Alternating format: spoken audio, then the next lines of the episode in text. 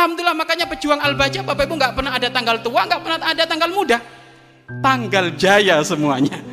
ya kan? Jadi alhamdulillah saya nggak pernah mikir tanggal tua, tanggal muda orang tua kami. Karena saya bukan karyawan. Saya punya karyawan. Jadi jadi enak kalau kayak gitu. Makanya santri, kamu jangan jadi karyawan. Sedih saya, lulusan Al-Bahja jadi karyawan toko. Eh ngapain? Jangan lulusan Al-Bahja itu, apalagi kalau perempuan. Eh kamu perempuan lulus dari Al-Bahja dapat jodoh yang soleh, kaya raya, sehingga kamu fokus ibadah dan ngelahirin anak. Ke situ. Jangan kerja kamu, ngapain kerja?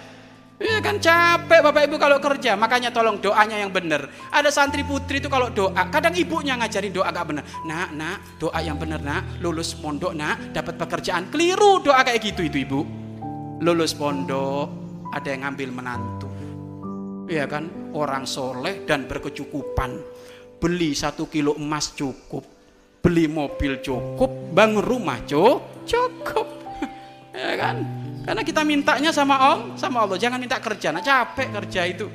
Kerja aja capek, makanya doanya yang ben yang benar ya.